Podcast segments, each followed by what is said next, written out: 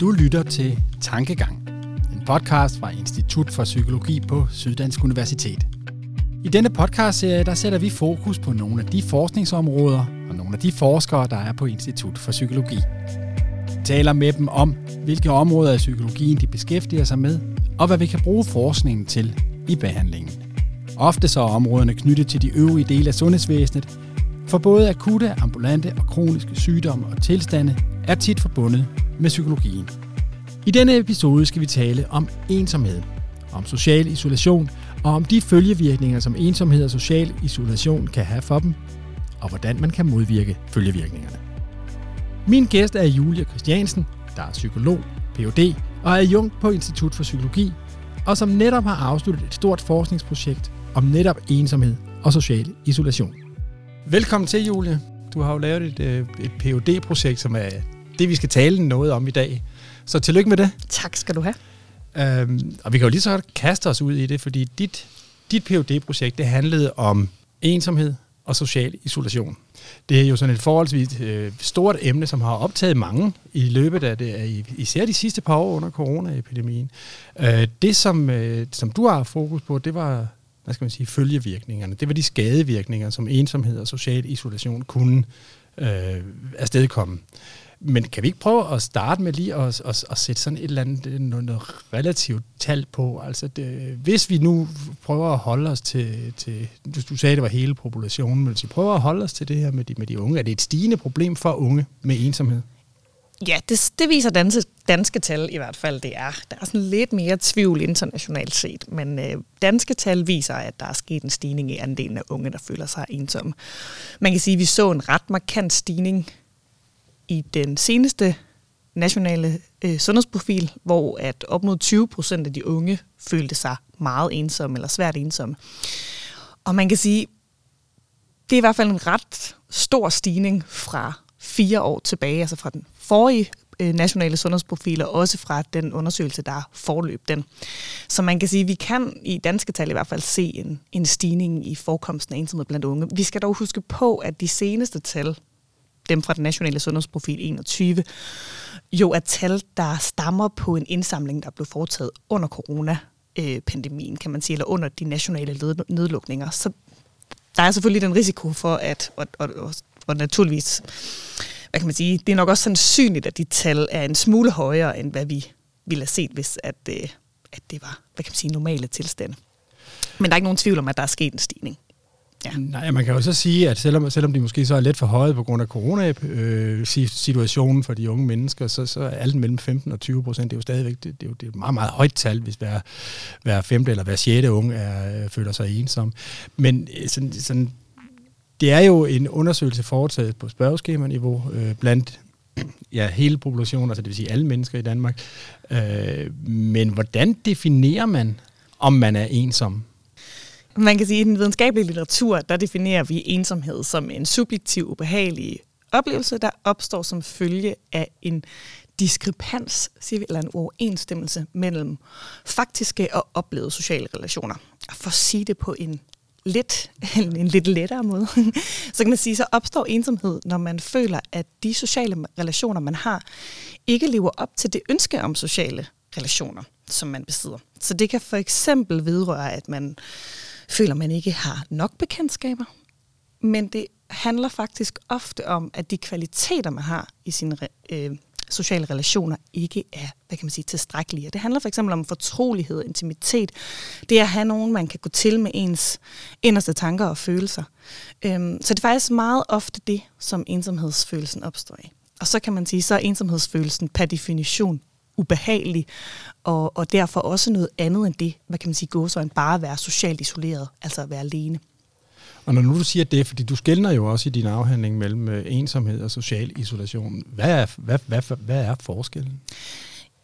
Jamen forskellen er, at social isolation alene er et objektivt forhold. Det handler sådan helt faktuelt om det antal sociale relationer, man har. Ikke oplevelsen af. Så man kan sige, man kan sagtens være socialt isoleret, men ikke være ensom. Det vil sige, at man har ikke særlig meget social kontakt, men det er faktisk også ligegyldigt for en. Vil det så også, betyder det så også, at social isolation i nogle tilfælde er selvvalgt? Ja, det gør det. For nogen, der kan det at trække, fra social, trække sig fra social kontakt i en periode være noget, man har brug for i sit liv, eller måske ligefrem noget, som at man opsøger for for eksempel at få ekstra tid til fordybelse, kreativitet. Så er der så heller ikke nogen tvivl om, at der er også nogle mennesker, der bare ikke har et særligt stort socialt behov, og derfor ikke har brug for særlig mange mennesker omkring sig. Hvis nu vi øh, prøver lige at holde den på de unge, fordi det er jo netop, øh, mm. hvad skal man sige, også, også fordi følgevirkninger jo, jo kan strække sig over mange, mange, mange år. Øh, men, men hvordan opstår den, hvad skal man sige, både følelsen af ensomhed, men måske også det at være ensom, hvis, hvis det er en reel ensomhed. Hvordan opstår den typisk hos unge, ved du det? Jamen, altså man kan sige, at både danske tal og internationale tal viser, at unge og de ældste ældre at de grupper i samfundet, der føler sig mest ensomme, altså hvor forekomsten af ensomhed er allerstørst. Og det kan måske undre mange, fordi man tænker, at unge mennesker har enormt mange muligheder for at være sociale med hinanden. De går for eksempel på gymnasiet eller på universitetet, eller de går i skole, altså steder, hvor der er enormt mange sociale muligheder, muligheder for at være en del af et fællesskab. Man kan sige, at det, som forskningen også viser, det er, at ensomheden faktisk piker ret tidligt i ungdomsårene. Nogle undersøgelser peger blandt andet på, at ensomhed faktisk piker allerede i 12-årsalderen. Og vi har nogle forestillinger om, at det blandt andet handler om, at de relationer, som unge mennesker har til hinanden, de har en anden karakter end de relationer, man for eksempel har, når man er barn, og måske også, når man er ældre. Men at særligt skiftet fra at have haft nogle meget værdifulde relationer til ens forældre, altså hvor at relation til ens forældre egentlig har været de bærende, så skal man som ung menneske nu navigere i at danne meget særlige og betydningsfulde relationer til andre jævnaldrende. Og det stiller måske nogle helt nye krav, hvilket kan være svært for nogen at opfylde. Derfor opstår ensomhedsoplevelsen. Du sagde jo indledningsvis, at tallet var stigende. Er det blevet sværere for de unge mennesker at danne relationer, end det var for eksempel for din generation, eller endnu mere for min generation? Det er svært at sige, for man kan sige, det er også en tendens, vi ser, når vi kigger på andre sådan, mentale helbredsudfordringer. Vi ser også, at flere og flere unge føler sig stresset.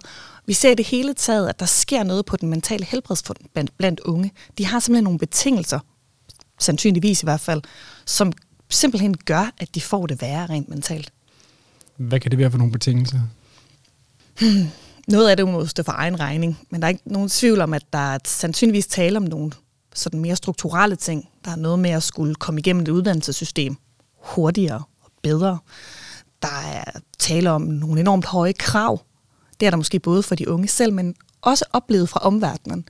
Og så er der ikke nogen tvivl om, at det omkring det sociale, når vi nu taler ensomhed, at øh, der er enormt meget fokus på at lykkes. Og man lykkes ikke blot fagligt, men man lykkes også, eller skal også lykkes socialt. Og der er enormt meget fokus på, og også opmærksomhed på, øh, at slå til på den sociale scene. Have mange venner, tage til mange fester hvad en andre mennesker kan lide at være sammen med. Og det er jo også det, som at mange de spejler sig i, når de kigger på de sociale medier. Og det er ikke for at sige, at de sociale medier eller teknologi i det hele taget er en direkte årsag til denne her stigning. Tværtimod så viser meget forskning faktisk, at de sociale medier har, har en form for sådan tvækket svær virkning på ensomhed. Nemlig at det både kan virke beskyttende eller ligefrem afhjælpende, men at der ikke er nogen tvivl om, at for nogen kan det også være et sted, hvor man kan sammenligne sig med andre unge. Sammenligne sig med det sociale netværk, de for eksempel har, eller den måde, de lykkes med at være et ung menneske i et moderne samfund.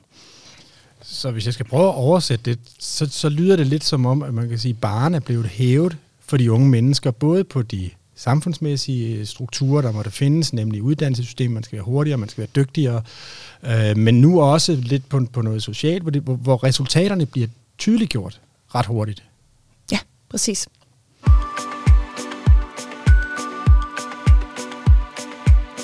Hvad medfører sådan noget som ensomhed sådan af, af, af umiddelbar mistrivsel hos unge? Altså man kan sige, at vi ved, at ensomhed er tæt forbundet med lavt selvværd, depression, med angst, ængstelighed. Så vi ved, at ensomhed ligesom tit, hvad kan man sige, går hånd i hånd med andre problemstillinger blandt unge.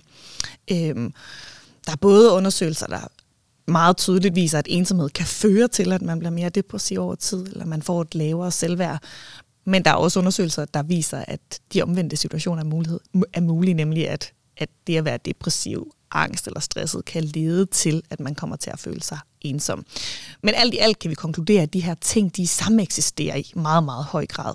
Så altså grundlæggende set, så, så kan man så sige, at, at, at de, følge, de, de sådan kortsigtede følgevirkninger af, af følelsen af ensomhed, det kan så også medvirke til at forværre øh, udfordringen. det er der ikke nogen tvivl om. Man kan sige, at, at det at være svært depressiv, eller være angst, eller lignende, det kan jo også bidrage til at føre til, at man måske trækker sig mere fra andre mennesker, og derfor faktisk også formår at blive socialt isoleret, samtidig med, at man måske kæmper med den her ensomhedsoplevelse. Og så er der jo tale om en negativ spiral, hvor at ensomhedsfølelsen jo også forstærkes. Noget af det, som du så virkelig har beskæftiget dig med, det er jo også nogle af de sådan andre, lidt mere langsigtede følgevirkninger. Øh, så, så det korte spørgsmål kunne være indledningsvis, har det andre typer af konsekvenser end psykisk mistrivsel at være ensom? Og det korte svar er ja. Og, og, og hvad kan det være?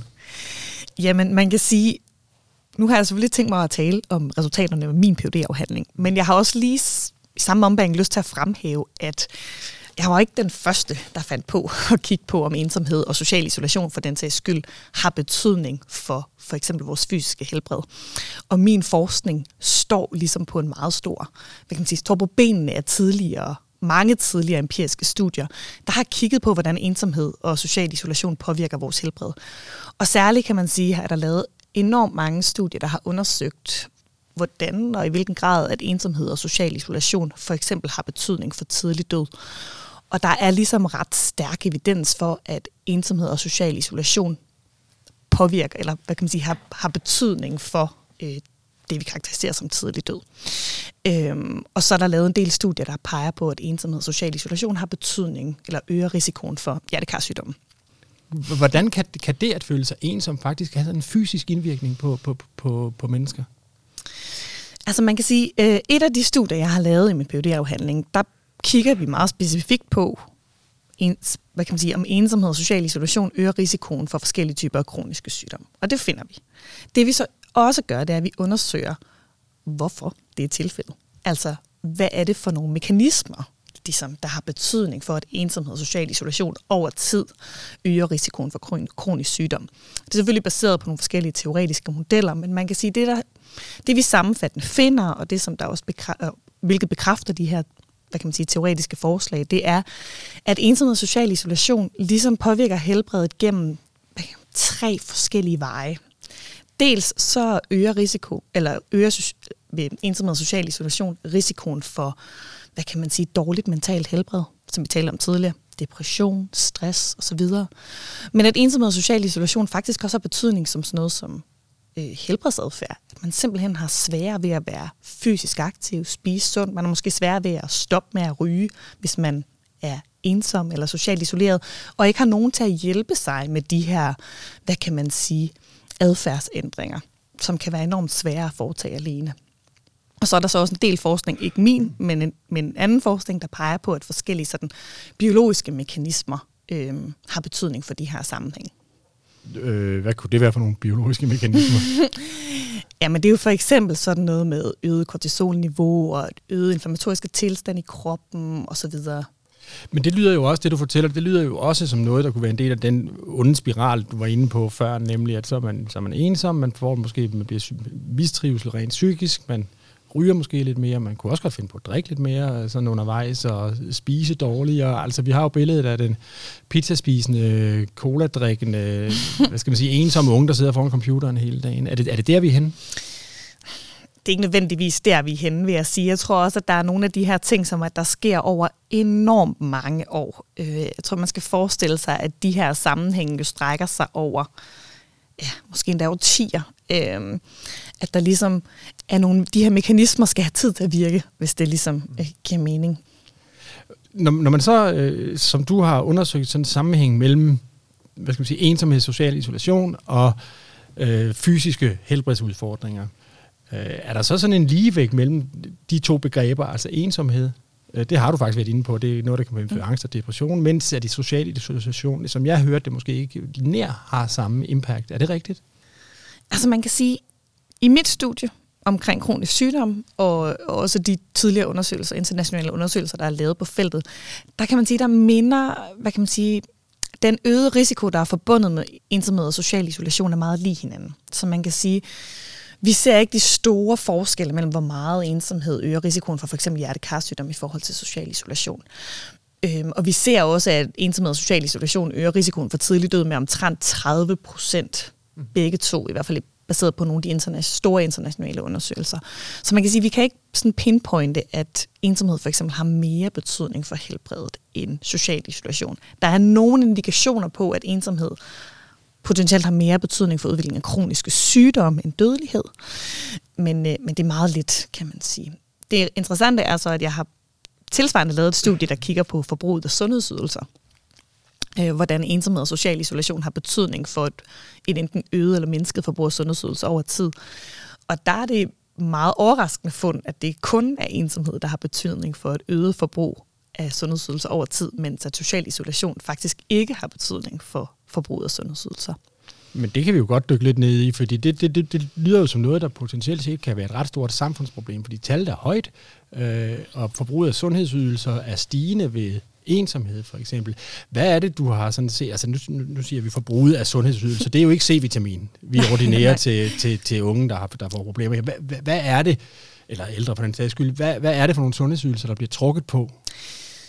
Det er her kan vi se, at det er primært egen læge. Altså det, det er antallet af konsultationer hos egen læge, hvor at personen, der føler sig ensomme, simpelthen har et højere forbrug af, hvad kan man sige, øh, besøg hos egen læge over tid. Men vi ser det faktisk også, når vi kigger på for eksempel øh, antallet af skadestuebesøg og akutte indlæggelser.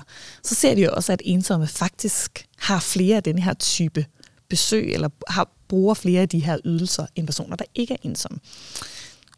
Men, men gælder det også, lad os sige, unge? Fordi de, altså, øh, hvis man kommer til en konsultation og sidder i venteværelset hos en læge, så er der jo en... Øh, altså, hvad skal jeg sige, øh, størstedelen af dem, der sidder og venter, det er, det er folk, der er fra middelalderen og middelalderen og op efter. Ikke? Altså, så øh, gælder det også for unge? Går de også oftere til egen læge?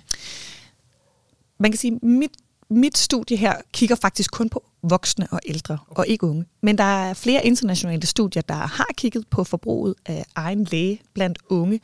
Og der er det meget tydeligt, at det at føle sig ensom har en stærk sammenhæng med antallet af lægekonsultationer over tid.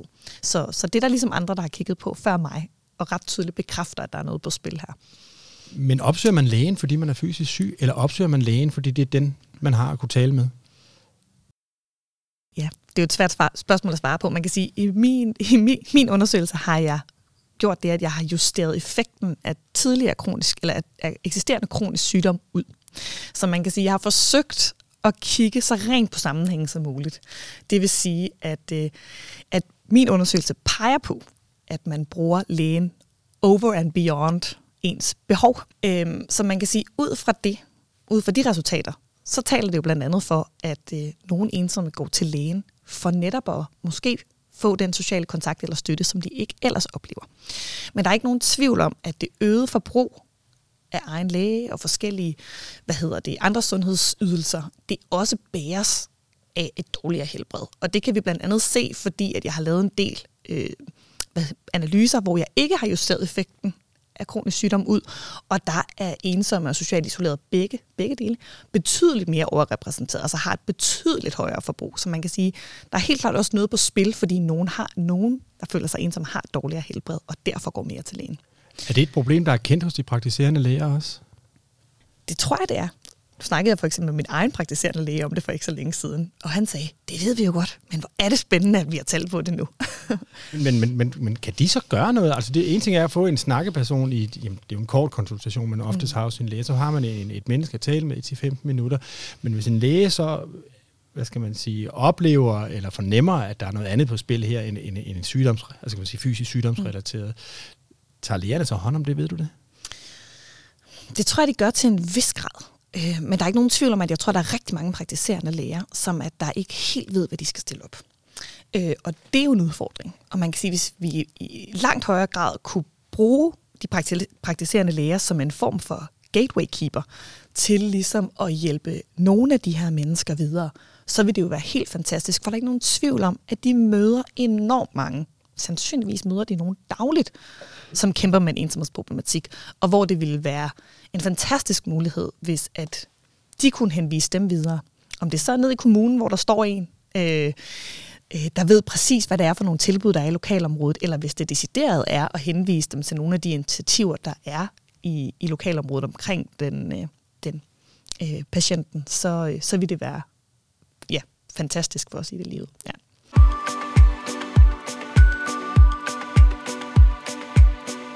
Hvis nu vi ser sådan hypotetisk, eller måske er det ikke hypotetisk for nogen, hvis vi kigger lidt på, på, på, på udviklingen igennem sådan et livsforløb, øh, og man når en vis alder, lad os sige, man er begyndt at overveje måske mere end overveje tilbagetrækning fra arbejdsmarkedet og sådan noget, kan, kan, man, kan man sige noget om, hvorvidt ensomhedsfølelsen stiger, eller risikoen for ensomhedsfølelse stiger med alderen, øh, eller om den forbliver det samme, fordi nu er man jo nu engang det menneske, man er. Altså man kan sige, at når vi kigger på populationsdata, så er det meget tydeligt, som jeg tror, jeg nævnte tidligere, at forekomsten af ensomhed er størst blandt unge og blandt det, vi kalder de ældste ældre. Og, øh, og sådan, sådan, hvad kan man sige, moderat i voksenalderen. Der er dog det meget særlige og også lidt pussy, nemlig at vi ser en meget lav forekomst af ensomhed, lige præcis der, hvor du nævner, nemlig når vi rammer pensionsalderen. Og øh, ja, det kan virke sjovt, men når vi kigger på alt muligt andet, for eksempel øh, øh, livskvalitet og øh, ja, stress og så videre, så ser vi faktisk også, at lige præcis denne her gruppe, altså den gruppe af voksne, sådan lige sådan begyndelsen, i begyndelsen af alderdommen, ah, måske sådan lige at stramme den, men lige der, hvor man går på pension, at de har det vidunderligt. De har en fantastisk livskvalitet, og de er betydeligt mindre stressede end resten af os, og så er de også mindre ensomme. Og, øh, og hvorfor er de det?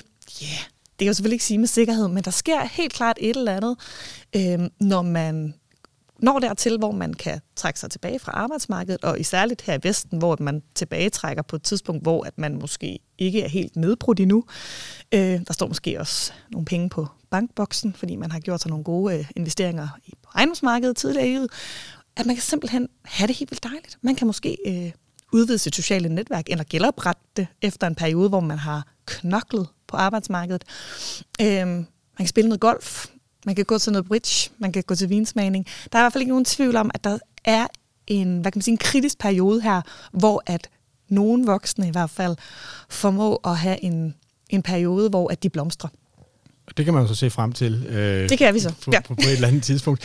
Men, men jeg skal lige høre, hvis det så er... Øh, nu, snakker, nu nævnte du faktisk det her med golf. Øh, ikke at jeg spiller golf eller noget, men det jeg tænker, det er, at vi lever jo i et forholdsvis rigt samfund, og selvfølgelig så der, kan der godt være et stort træk på sundhedsydelserne, når man har en stor population af folk, der føler sig ensomme øh, eller socialt isoleret, eller er socialt isoleret.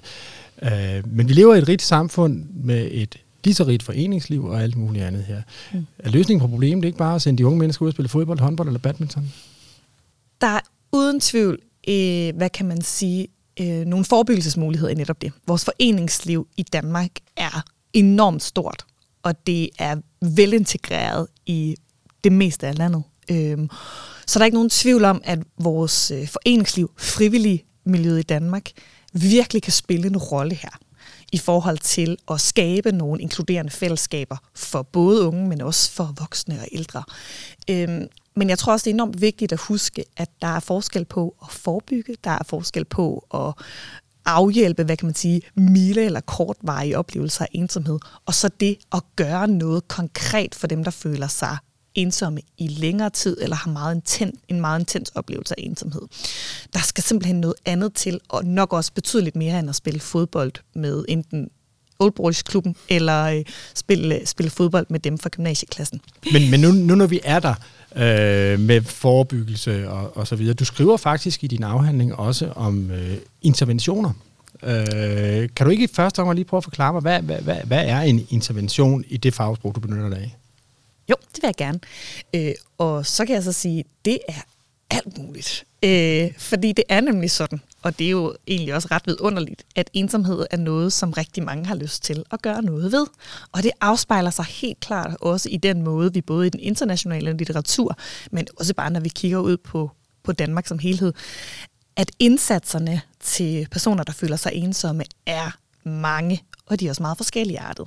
Og det er også meget forskelligt, hvem der udbyder dem.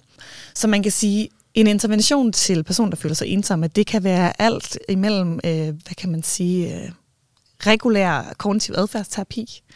Det kan være øh, besøg på, eller det kan være væresteder. Jeg, jeg stopper lige et øjeblik. Regulær kognitiv adfærdsterapi. Øh, det lyder jo spændende. Hvad er det? Jamen, det kan være almindelig kognitiv adfærdsterapi, hvor man arbejder med tanker og følelser og adfærd. Øhm, blandt andet, man kan sige, noget af det, som forestilling i forhold til kognitiv adfærdsterapi, i forhold til ensomme er, det er det her med at afhjælpe eller dekonstruere det, man på fagsprog kalder maladaptiv social kognition. og hvis jeg skal sige det på en lidt anden måde, så er det simpelthen øh, erfaringer, tanker, følelser omkring sig selv og andre, der er negative og som former ens adfærd.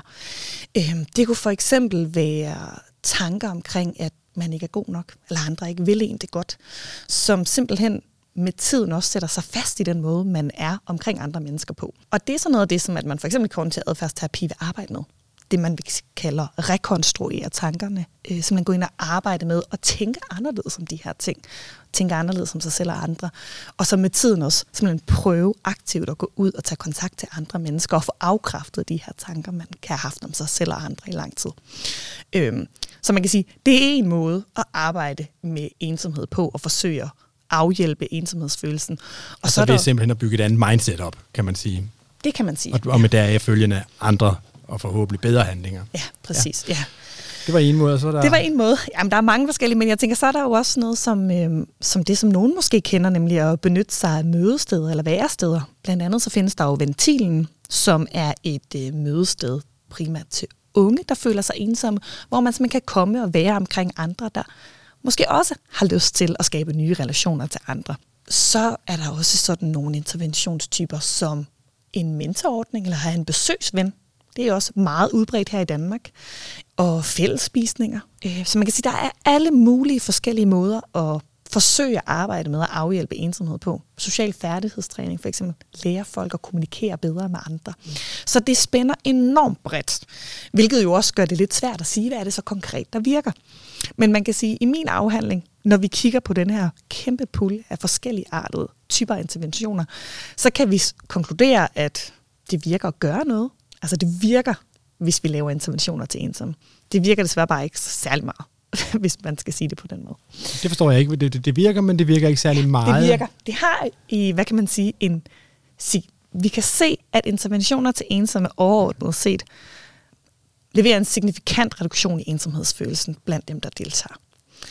Og det er jo selvfølgelig godt nyt. Men nogle gange så kan en signifikant reduktion også være ikke særlig stor.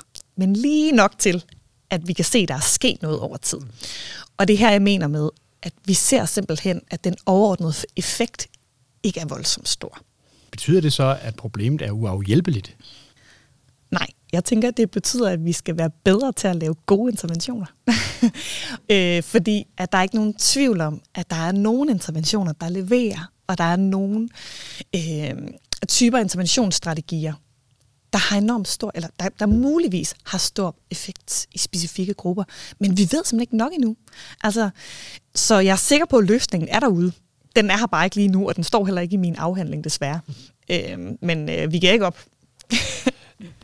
man kan så sige, at interventioner, det kræver jo en aktiv indsats, og, og, og sådan noget som øh, lad os sige, væresteder, øh, ventilen og, og andre sociale fællesskaber, man selv kan opsøge, fællespisning osv., øh, og for så vidt også kognitiv terapi, det kræver jo lidt en, en, øh, det kræver en vilje fra den enkelte til selv at opsøge det her. Er det ikke sådan lidt en, hvad skal man sige, sådan lidt en modsætning?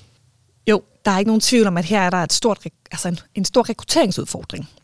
Altså dels så handler det om, at vi fra den enkelte, altså personen, der oplever ensomhed, skal have lyst til og skal ville og være motiveret for at gå ud og gøre noget aktivt selv.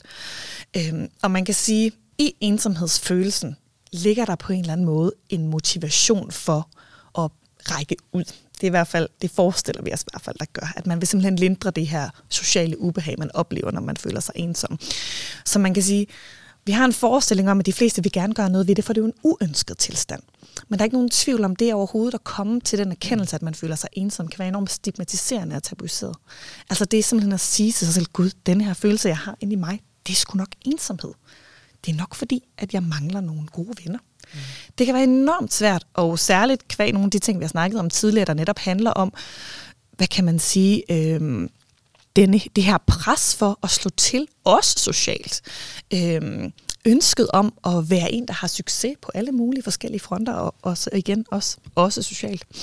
Øhm, så der er ikke nogen tvivl om, at bare det at komme til den erkendelse, at man skal række ud efter hjælp, kan være rigtig svært. Og så er der så det at skulle komme derhen og overhovedet finde ud af, hvor, hvor kan jeg tage hen? Ikke? Altså fordi ja, vi nævner fællesspisninger, vi, vælger, vi, vi, vi taler om mødesteder, ventilen osv., men det er ikke alle, der kender de her steder. Og hvor får man overhovedet information om de her steder henne? Det er i hvert fald også en udfordring. Er der, altså, er der et ansvar, nu, vi talte om lægerne før, ja. siger det, det de opsøger her, øh, men er der et ansvar for andre, hvad skal man sige, øh, erhvervsgrupper i Danmark? Altså, hvis vi taler om de unge, så er, der, så er de jo omgivet af skolelærer, efterfølgende gymnasielærer, og måske også, hvis de er i foreningslivet, ja. øh, trænere så videre. Det er, altså, er der nogle steder, hvor du tænker, her er det der oplagt, at nogen får øje på noget og tilbyder noget? Det tænker jeg. Jeg tænker at skolerne spiller en stor rolle, eller har mulighed for at spille en stor rolle her. De ser de unge, de er der. Og hvis de var informeret om de øh, indsatser, der er, eller måske endda, hvis man får lov til at drømme, at de gjorde noget ved det på stedet, jamen det kunne være helt fantastisk. Og så tror jeg generelt set, at det er noget, vi alle sammen skal ture og gøre noget ved. Øh, og også på et politisk plan, og der er heldigvis mere og mere opmærksomhed på, at der skal ske noget både på, hvad kan man sige, det kommunale niveau, og altså, der er flere og flere, der ligesom har øjnene op for, at det her, det løser vi nok ikke bare med små indsatser, hist og pist, men vi er simpelthen nødt til at gøre noget større for at afhjælpe det her problem, som tydeligvis, i hvert fald i vores data, er stigende. Og, det er jo, og det, at afhjælpe problemet, det handler både om den enkelte psykiske, mentale helbred, og så handler det om det på længere sigt, nemlig at de får nogle følgevirkninger, som har rent faktisk psykisk, eller fysisk, øh, somatisk karakter, ikke? altså øh, diabetes og, og, og hjertekarsygdomme. Der er ingen tvivl om, at det er i hvert fald også et argument, som at der er værd at fremhæve. Det er i hvert fald noget af det, som politikerne godt kan lide at høre. Ikke? Vi kan også ved at gøre noget nu og bruge nogle penge, så kan vi altså spare endnu flere penge på den lange bane. Men jeg plejer også at sige, at det er også vigtigt, at vi husker på, at det er faktisk, det er jo den enkelte. Det er den oplevelse, den enkelte går rundt med. Det er det, vi skal have lyst til at gøre noget ved det bør i sig selv være argument nok, men øh, nu er jeg også med på, at jeg selv har lavet øh, tre studier, der viser, at, øh, at man bliver også syg, og man bruger også flere, øh, bruger også sundhedsydelser noget mere, når man er ensom. Så det er jo et argument for at understrege kun vigtigheden af at gøre noget. Hvis man snakker om dem, som sådan omgiver folk, der er ensomme. Og det, der er det altså lige meget, om det er unge, eller om det er de, som du siger, ældste, ældre osv. Så, videre. så er der jo også øh, formodentlig nogle nære relationer. Hvad, mm. Så lad os starte med de unge. Hvad, øh, hvis man er barn, eller hvis man er forældre til et barn, der er på vej ind i teenagealderen, og det er der, du siger, det kan være enormt udfordrende at skulle hen og skabe nogle typer af relationer, der er så nære og dermed så givende, at man ikke føler sig ensom. Hvad kan man som forældre så stille op her? Oh, det er jo svært, øh, fordi hvad kan man konkret gøre for at sikre, at ens børn får venner? Altså det er, der, altså nu noget af det her står selvfølgelig for egen regning, og jeg er jo også selv forældre, og der er et eller andet det her med at sige, at, at ture og spille en rolle i, i de her meget formative år af ens barns liv, hvor man også øh, tør at støtte dem i, i de her forskellige ting. Søge, søge, øh, søge nye fællesskaber. Vær åben over for, at ens barn gør det.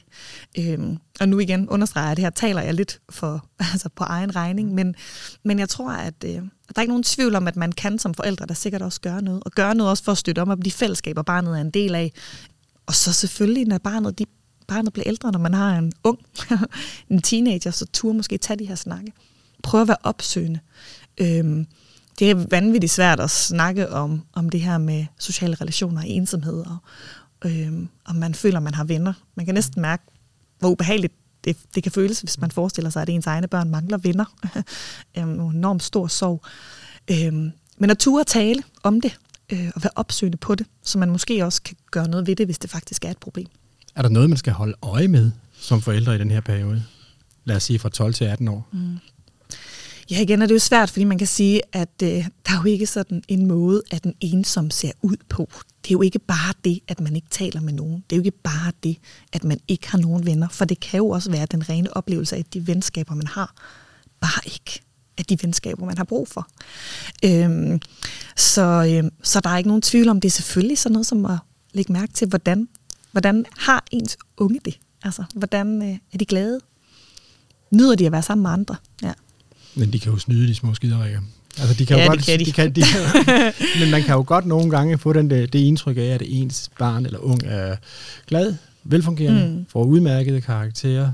Der sker måske lidt i livet ved siden af også, og alt muligt andet. Og så alligevel bærer de rundt, som du selv siger, det er jo en oplevet følelse. Det er en oplevet følelse, ja. så, så, så der er jo ikke nogen sikre tegn hos en forældre, med mindre man så sætter sig ned og tager en snak med, hvordan har du det i virkeligheden? Ja. ja.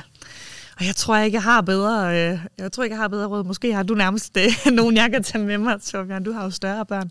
Men øh, der er vel det med bare for, og udvise interesse og ture spørge ind. Ja, det er vel i virkeligheden det, man kan. Og hvis man så har en ung, der tør at sige, der faktisk siger til en, at man har det svært socialt, så måske også at være opsøgende på det, vi snakker om før med, hvad kan man faktisk, hvad kan man gøre? Skal vi ned i fodboldklubben og spille lidt fodbold, eller skal vi faktisk, skal jeg følge min søn eller datter ned i ventilen? Altså, hvad kan man som forældre gøre i forhold til sådan at være opsøgende på de tilbud, der så rent faktisk eksisterer?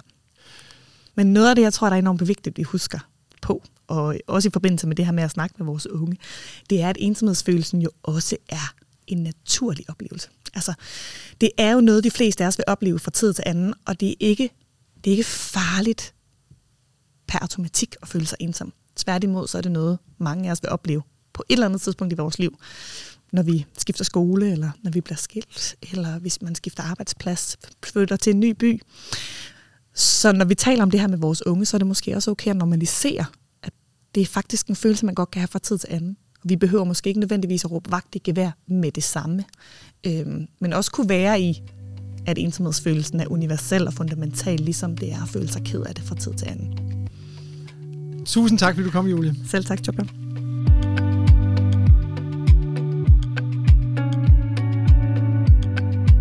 Tak til Julie Christiansen, der fortalte om de konsekvenser, som ensomhed og social isolation kan have. Jeg håber, at du er glad for at lytte med, og måske også er blevet lidt klogere undervejs, og derfor også har lyst til at lytte med en anden gang.